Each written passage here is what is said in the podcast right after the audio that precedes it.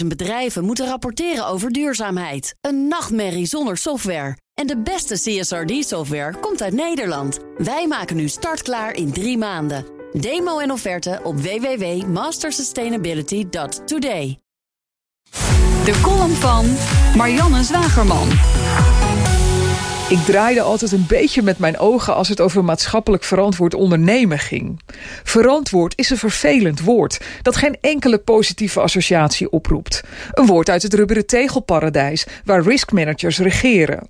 Een glanzend stukje foldertekst, maar echt gevoeld vanuit de tenen. Noem mij maar cynisch, maar ik geloofde het nooit.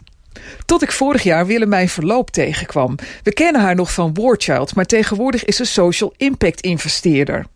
Impact klinkt al veel beter dan verantwoord. Ze investeert alleen in bedrijven die winst niet als doel zien, maar als middel om een impact te hebben op een wereldprobleem dat een oplossing behoeft. Dat klinkt idealistisch, maar die fase zijn we al voorbij.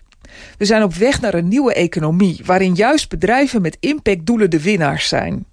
Sinds BlackRock, de grootste vermogensbeheerder ter wereld, in januari de bedrijven waarin het investeert opriep een positieve bijdrage aan de maatschappij te leveren, is dat een zekerheid. En ook logisch. Overheden lossen geen problemen op, dat doen ondernemers. Als je naast winst en marktaandelen ook impact nastreeft, heb je andere KPI's nodig om je bedrijf te sturen. Meer 50-plussers aan het werk bijvoorbeeld, of een eerlijker verdeling in de waardeketen. Ik dacht eraan toen ik vorige week de zoveelste huilbrief van NPO-topvrouw Shula Rijksman las in het AD. Ze wil meer geld, want ze kan nu niet concurreren met John de Mol, die de NPO ziet als een etalage waar hij DJ's en presentatoren uit mag graaien. Haar hele brief gaat over geld en kijkcijfers, terwijl de NPO juist een social impact organisatie is, die je op andere doelen moet richten. Dat is de reden van je bestaan. Er is wel een prestatieovereenkomst met de overheid waar lafjes wat doelen zijn beschreven, maar in de praktijk gaat het vooral over concurreren met het mediabedrijfsleven. Shula klaagt dat talenten als Twan Huis en Gerard Ekdom bij de NPO worden opgeleid om vervolgens weggekocht te worden.